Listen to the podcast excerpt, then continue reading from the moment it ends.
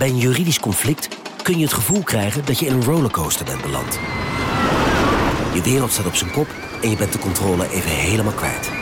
Dan is het fijn als je bent verzekerd bij ARAG. Daar werken topjuristen en advocaten die je begrijpen. Die een stap extra voor je zetten.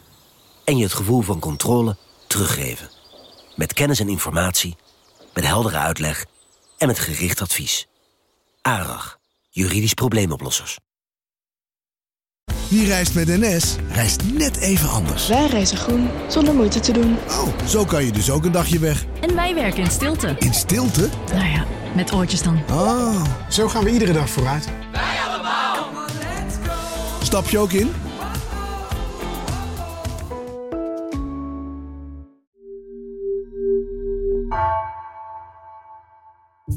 Vanaf de redactie van NRC het verhaal van vandaag. Mijn naam is Gabriella Ader.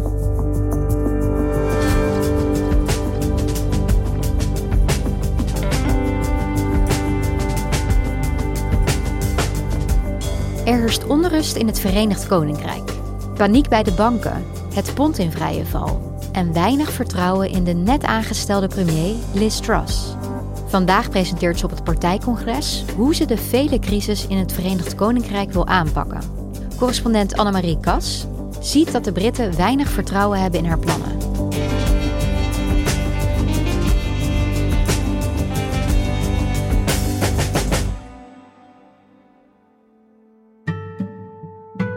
Milton Keynes ligt ten noorden van Londen. Het is iets meer dan een half uur treinen. En het is eigenlijk een soort ja, Almere van het Verenigd Koninkrijk.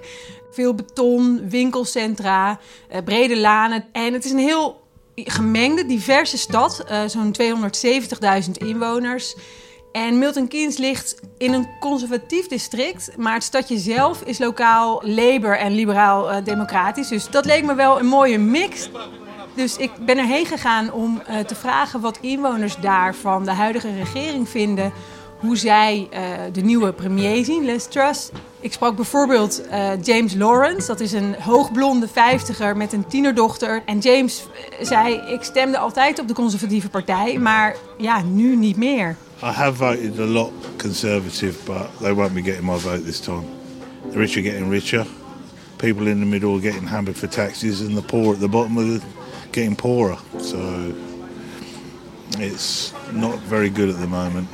En wat me opviel daar is dat eigenlijk bijna iedereen die ik sprak, ja, is afgehaakt als het om politiek gaat. Ze voelen zich niet betrokken, ze voelen zich niet vertegenwoordigd. Ik, ik sprak een ander stel, uh, Dwayne en Liz. Zij uh, zijn eind 50, begin 60. En zij hadden sterk het gevoel dat politici ja, eigenlijk alleen voor de belangen van de rijken opkomen. I don't vote at all now, because no, they're, they're in it for their own ass pockets. I truly believe there's no government in here now that is in power. Politicians, they're all rich, aren't they? They're all loaded. You know what I mean?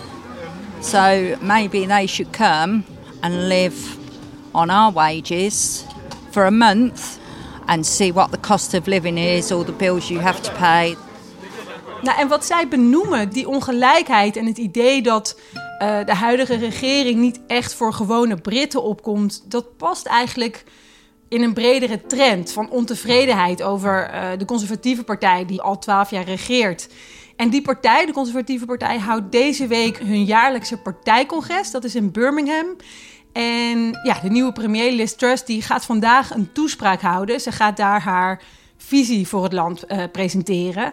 En dat gaat niet makkelijk voor haar zijn, want ja, vanaf dag één, vanaf haar aantreden zo ongeveer, hebben haar plannen en de maatregelen die zij en haar uh, regering hebben aangekondigd voor enorme hectiek en onrust gezorgd in het Verenigd Koninkrijk.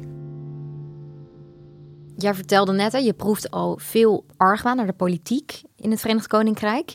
Wat is er precies aan de hand daar? Ja, eigenlijk sinds uh, Liz Truss is aangetreden. Het is pas een maand geleden begonnen als premier, maar dat lijkt al uh, maanden geleden. Zoveel is er gebeurd. Het land ja, heeft enorme financiële onrust over zich heen gekregen door haar plannen. Um, het overlijden van koningin Elizabeth kwam er nog tussendoor in september. Dat was drie dagen nadat zij was aangetreden. Um, intussen speelt, net als in andere westerse landen, ook hier natuurlijk het probleem van de gierende inflatie, hoge energieprijzen. Veel Britten die zich zorgen maken hoe ze de winter door moesten komen. En het punt is hier dat door het toedoen van de regering eigenlijk die onrust versterkt is. De pond daalde enorm, is op een recordlaag te komen staan vorige week. Ja, enorm chaotische tijden eigenlijk.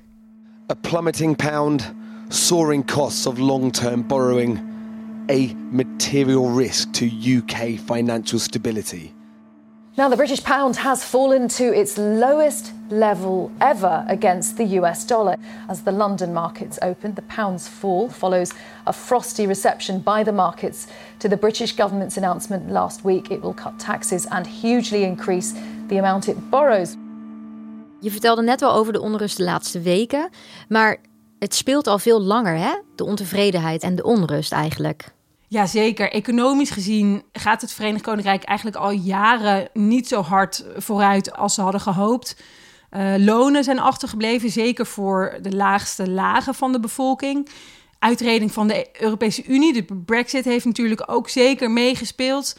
Um, ja, er zijn echt allerlei factoren waardoor de ongelijkheid in het land eigenlijk toeneemt. Dus de laatste jaren zie je dat uh, de rijken harder vooruit gaan en de armen eigenlijk achterblijven. Hoe wil Liz Truss dit gaan aanpakken dan? Nou, daar hebben ze een plan voor gepresenteerd. Zij en uh, de minister van Financiën, Kwasi Kwarteng. En die plannen die hebben ze tot uh, het mini-budget omgedoopt, wat klein klinkt. Maar het gaat over tientallen miljarden. Ze hebben een ja, hele rits eigenlijk aan maatregelen gepresenteerd... met als doel om uh, die kwakkelende Britse economieën te laten aantrekken... En ja, het principe daarachter is wat we uh, trickle-down economics noemen. En de trickle-down economics, wat is dat precies? Nou, ik ben zelf geen econoom, maar simpel gezegd is dat het idee dat hun maatregelen vooral uh, de bovenlaag helpen. Dus de, denk de financiële sector, de city in Londen. En het idee is dat als uh, die elite, dus als de bovenlaag van de economie, geld overhoudt, als zij makkelijk uh, geld kunnen verdienen, dan zullen ze dat geld vanzelf weer gaan investeren in de Britse maatschappij. Dan zullen ze nieuwe mensen aannemen, uh, meer geld uitgeven. En op die manier moet dan ja, de hele samenleving uiteindelijk profiteren. Truss zelf zal dat woord trouwens niet in de mond nemen hoor, trickle-down economics, omdat het nogal negatieve connotatie heeft. Um, zij legt het meestal zo uit dat ze zegt: wij willen de taart van de economie, dus de hele taart, groter maken. It's also about how we grow the size of the pie so that everyone can benefit. We willen niet de discussie voeren over hoe verdelen we die taart. Daar gaat het de laatste jaren natuurlijk over. Ook omdat er zoveel ongelijkheid is. Maar zij zegt, we willen de hele taart groter maken, zodat er meer uit te delen valt. Oh, dat is wel mooi bedacht eigenlijk. Ja, het klinkt mooi, maar er is heel veel kritiek op. Het is een omstreden principe. Eerder in de jaren tachtig in het Verenigd Koninkrijk en in de VS hebben Thatcher en Reagan ook die politiek gevoerd. En daarvan is achteraf vast komen te staan dat het ongelijkheid bevordert en dat het uh, de economie niet zo hard doet groeien als zij vooraf hadden gedacht. Dus het is zeker niet uh, onomstreden. Hoe wil ze dat gaan doen? Ja, veel belastingverlagingen, daar komt het eigenlijk op neer. Uh, de inkomstenbelasting gaat volgend jaar omlaag. Ze wil de sociale premies die eigenlijk net waren verhoogd om, om de kosten van de coronacrisis uh, terug te betalen, die wil ze weer omlaag brengen.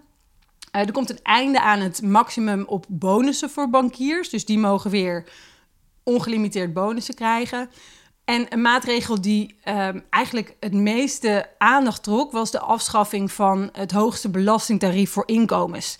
Dus uh, je hebt verschillende schijven, hè, net als in Nederland. Als je meer dan 150.000 pond per jaar verdient hier, dan uh, betaal je daar 45% belasting over. Maar die hoogste schijf wilde Trust dus afschaffen en die wilden ze naar beneden brengen, naar 40%. En ja, vooral die maatregel, die kreeg heel veel kritiek. En die werd aangewezen eigenlijk als bewijs dat deze regering wereldvreemd is en niet in verbinding met de Britse samenleving. Hè, waar zoveel inwoners moeite hebben om de eindjes aan elkaar te knopen. En dan zo'n maatregel voor de allerrijkste nemen. Dus ja, toen zag je ook um, uh, protest ontstaan. Britten gaan helemaal niet heel gemakkelijk de straat op. Maar afgelopen weekend zag je dat, dat duizenden Britten verspreid over het land ja, zijn gaan protesteren.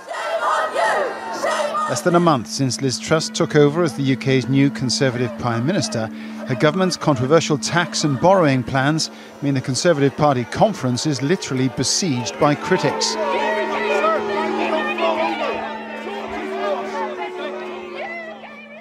Hoe willen ze dit dan gaan financieren? Dit soort maatregelen kosten natuurlijk geld. Of het brengt de staat eigenlijk minder op. Hè? Als je belastingen verlaagt, krijg je minder geld binnen. En er ontstond grote onduidelijkheid over hoe ze dat soort belastingverlagingen willen gaan financieren. Want ja, de staat moet uiteindelijk toch ook geld uitgeven aan publieke voorzieningen, aan uitkeringen, aan de gezondheidszorg.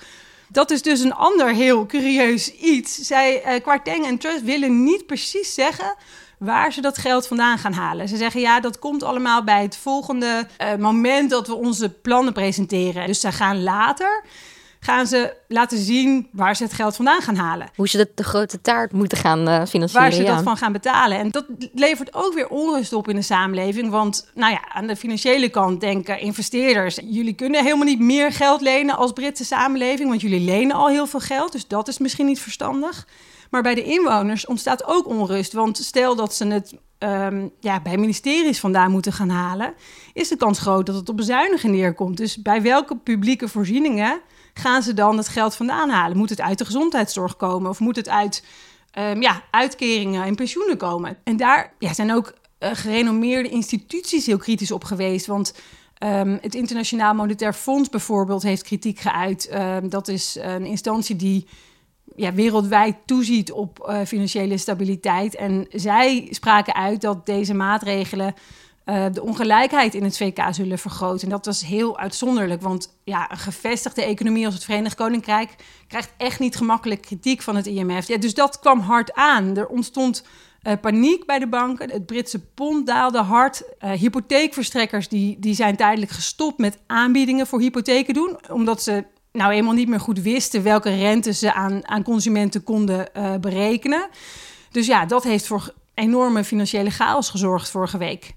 En hoe reageerde de minister van Financiën en de premier Liz Truss hier dan op?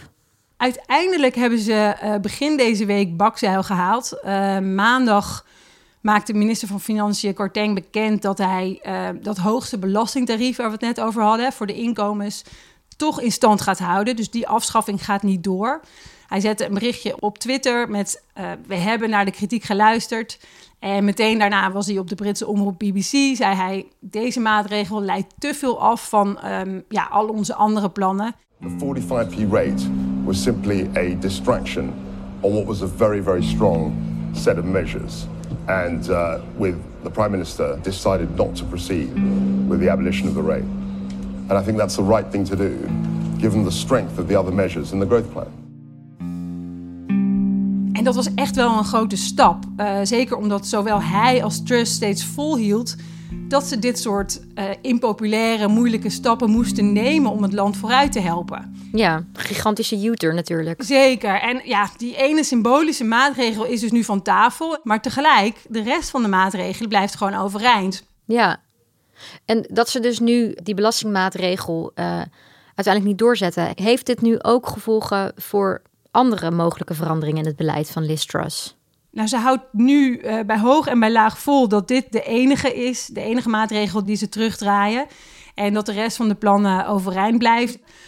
Alleen, politiek is natuurlijk wel zo. Als je eenmaal aan het begin van je regeerperiode zo'n grote U-turn, ommezwaai maakt voor het oog van het hele land, dan heeft jouw partij en haar, haar achterban ziet dat natuurlijk wel. Dus zeker het kritische deel in haar fractie, in de conservatieve partij in het Lagerhuis, weet nu, als we genoeg stampij maken, dan kunnen dingen vloeibaar worden. Dus daarmee heeft ze denk ik wel een precedent geschept. Een, een, voor haar misschien riskant precedent.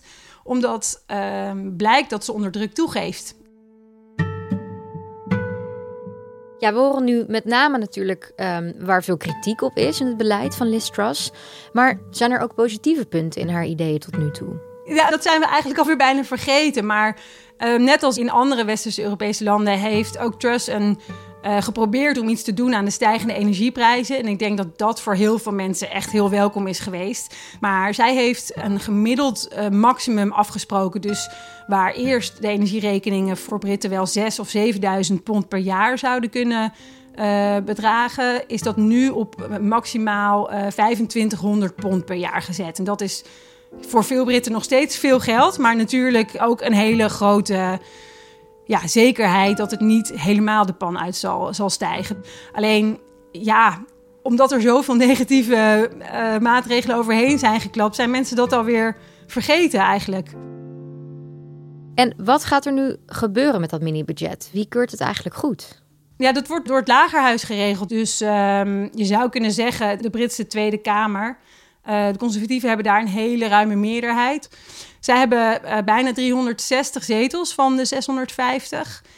Dus dat is een hele comfortabele uh, meerderheid. Alleen moeten wel haar eigen partijleden dan instemmen. En, en daar is dus druk op ontstaan. Want van de fractie, dus van die 360 um, ehm, Tories, hebben meer leden voor Rishi Sunak gestemd dan voor haar. Ja, want zij um, is niet gekozen door de kiezers, maar zij is gekozen door haar medepartijleden. Ja, dat klopt. Um, haar voorganger uh, Boris Johnson die is begin deze zomer afgetreden na drie jaar premierschap en vele, vele schandalen. zijn positie werd onhoudbaar. En toen is Truss afgelopen zomer gekozen, um, eerst door de politieke fractie en daarna een ronde in de hele partij, maar dus niet door de bevolking. En ja, daar zit een democratisch gat dat haar uh, ook kan opbreken. De laatste landelijke verkiezingen waren in 2019. En toen hebben Britten gekozen uh, voor een partij waar Johnson aan de leiding stond. En waar Brexit nog geregeld moest worden. En waar we nog nooit van corona hadden gehoord. Dus er is zoveel gebeurd in de tussentijd dat haar uh, mandaat als premier een beetje ter discussie is komen te staan.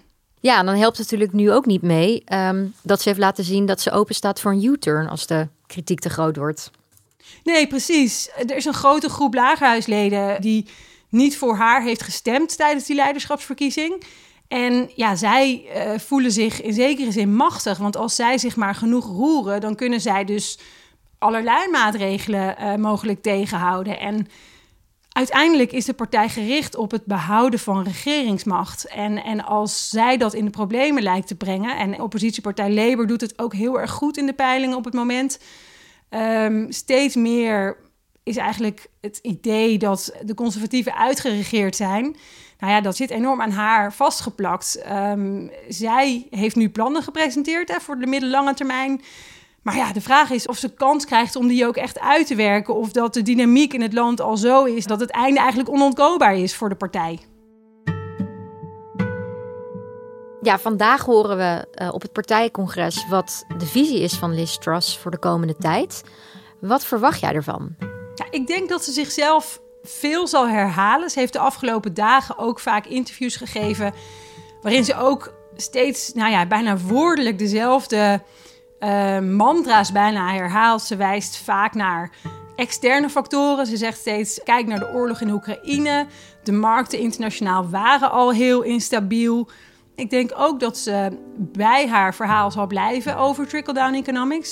Ze zal dat woord inderdaad dus zelf niet gebruiken, maar ze zal wel uitleggen wat haar visie is. En daar zal ze, naar ik verwacht, echt ja, proberen de partijen en de leden te overtuigen. Maar verder in grote lijnen zal ze bij haar verhaal blijven. En hoe kijken de mensen in Milton Keynes dan naar de komende tijd? Zij gaan door met het leven van alle dag. Um, ze proberen uh, zuiniger te leven, zo goed en zo kwaad als dat gaat. Uh, de pond is inmiddels, moet ik zeggen, wel uh, weer enigszins hersteld na alle hectiek van vorige week. Of het vertrouwen in de regering en hun plannen ook zal herstellen, ja, dat moeten we gaan zien. Ik denk vooral dat inwoners in Milton Keynes eigenlijk niet al te veel meer van hun overheid verwachten. I won't be voting conservative. That's a definite. Not so much confidence in the government. Uh, with everything else, it's um, worrying times, I guess. That's about it, really. nou, dan uh, ben ik heel benieuwd. Dankjewel, Annemarie. Graag gedaan. Je luisterde naar vandaag een podcast van NRC. Eén verhaal, elke dag. Deze aflevering werd gemaakt door Nina van Hattem en JP Geersing. Dit was vandaag, morgen weer.